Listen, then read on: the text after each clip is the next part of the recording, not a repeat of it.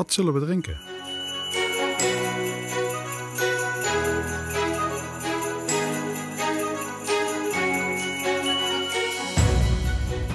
Hey allemaal, welkom bij weer een aflevering van Wat zullen we drinken? De podcast waarin we niet alleen bieren bespreken met een goed verhaal, maar ook het leven vieren in al zijn facetten. Ik ben jouw podcastlijn Bas en vandaag hebben we weer een vers getapte aflevering voor je klaarstaan.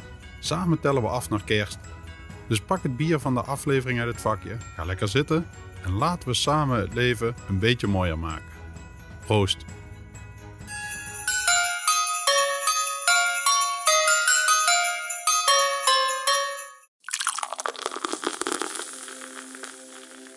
Daar zit je dan, met de manus van Dampengeest al geopend en klaar om de vriendelijke contouren van je glas te ontmoeten. Het is de tijd van het jaar waarin de kerstlichtjes knipperen en de dagen korter zijn, maar de avonden lang en warm van gezelligheid. Manus, een naam die klinkt als een vriend die je op de donkerste dagen bezoekt, gebrouwen door Dampengeest, onderscheidt het lichtblonde speciaal bier zich door zijn frisse tonen en lage alcoholpercentage, waardoor het een doordrinker van formaat is. De naam is een ode aan brouwer Herman Zomerdijk, wiens geest in elk bier verweven lijkt te zijn. Met zijn 4,7% alcohol is het een bier dat zijn smaak niet in de schaduw laat staan door zijn alcoholgehalte. Brouwerij Dampengeest is niet alleen een plaats waar bier vloeit, maar ook waar ideeën borrelen. De club Nuchtere Hollanders met technische vingerspitsengevoel is een brouwhuis waar passie voor bier en techniek een symfonie van smaak creëert. De gereedschapskist van deze brouwers is rijkelijk gevuld met niet alleen mout en hop, maar ook met soldeerbouten, programmeercode en een schroef hier en daar. Toen de brouwinstallatie in 2020 werd uitgebreid, was dat niet zomaar een opschaling. Het was een revolutie in hun ambacht. Met een verdubbeling in capaciteit en een verfijning in hun proces trad de zoon van de brouwer met zijn data-analytische scherpzinnigheid toe tot de gelederde om de kwaliteit te waarborgen. In de kern van hun ethos staat de wens om bier te blijven proeven, niet verstopt achter onnodige toevoegingen. Maar versterkt door de kennis en vakmanschap die iedere toevoeging rechtvaardigt. Met dit in gedachten wordt op de smaken gecomponeerd.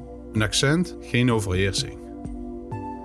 Familiebrouwerij Dampengeest ademt vakmanschap. Het is een uit de hand gelopen hobby van Kees en Clara Koot, die met de hulp van hun zonen, een broer en de gemeenschap een repertoire van smaken creëerde die iedereen uitnodigde tot het vieren van de eenvoud in bier.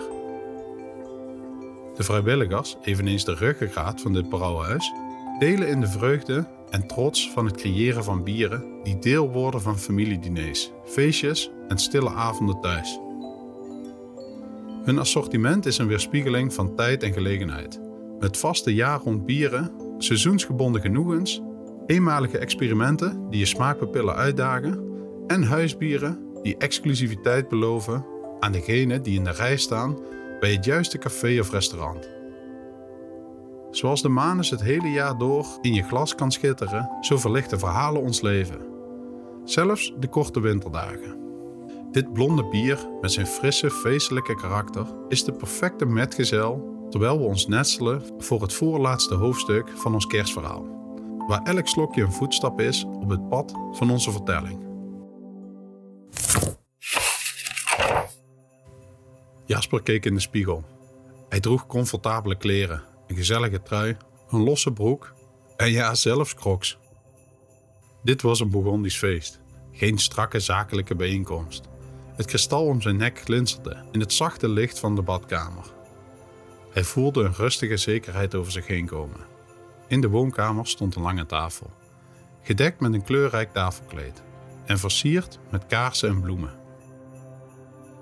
De geur van geroosterd vlees vulde de lucht samen met het aroma van vers gebakken brood en geurige wijn. Zijn koelkast was gevuld met ambachtelijke bieren, een knipoog naar de lessen van de geest van eten en drinken waarderen. Terwijl hij een voorlaatste controle deed of alles klaar was, ging de deurbel. De eerste gasten waren gearriveerd. Hij deed de deur open om zijn oude vriend Mark te begroeten, wiens blik even op het kristal viel voor hij naar Jasper keek. Welkom Mark, wat fijn dat je er bent, begroette Jasper hem met een warme glimlach. Nou, als dit de nieuwe Jasper is, dan wil ik dat wel eens meemaken. zijn eerdere scepticisme vervangen door een milde nieuwsgierigheid. De avond ging door met meer gasten die arriveerden. Collega's, buren en zelfs een paar familieleden die hij al jaren niet had gezien. Het huis vulde zich met gesprekken, lachsalvo's en het klinken van glazen. Maar boven dat alles voelde Jasper een diepe voldoening. Alsof hij een deel van hem, dat lang geleden was afgesloten, nu weer tot leven was gekomen.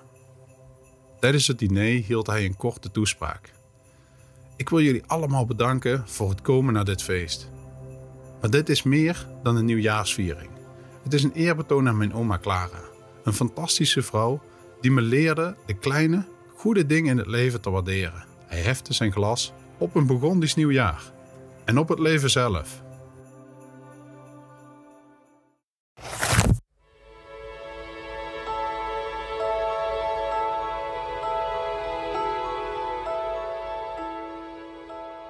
Zo, beste Burgondiërs.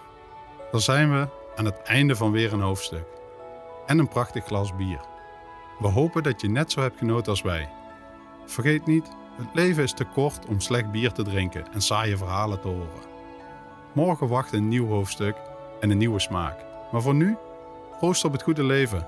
En tot de volgende Wat zullen we drinken aflevering.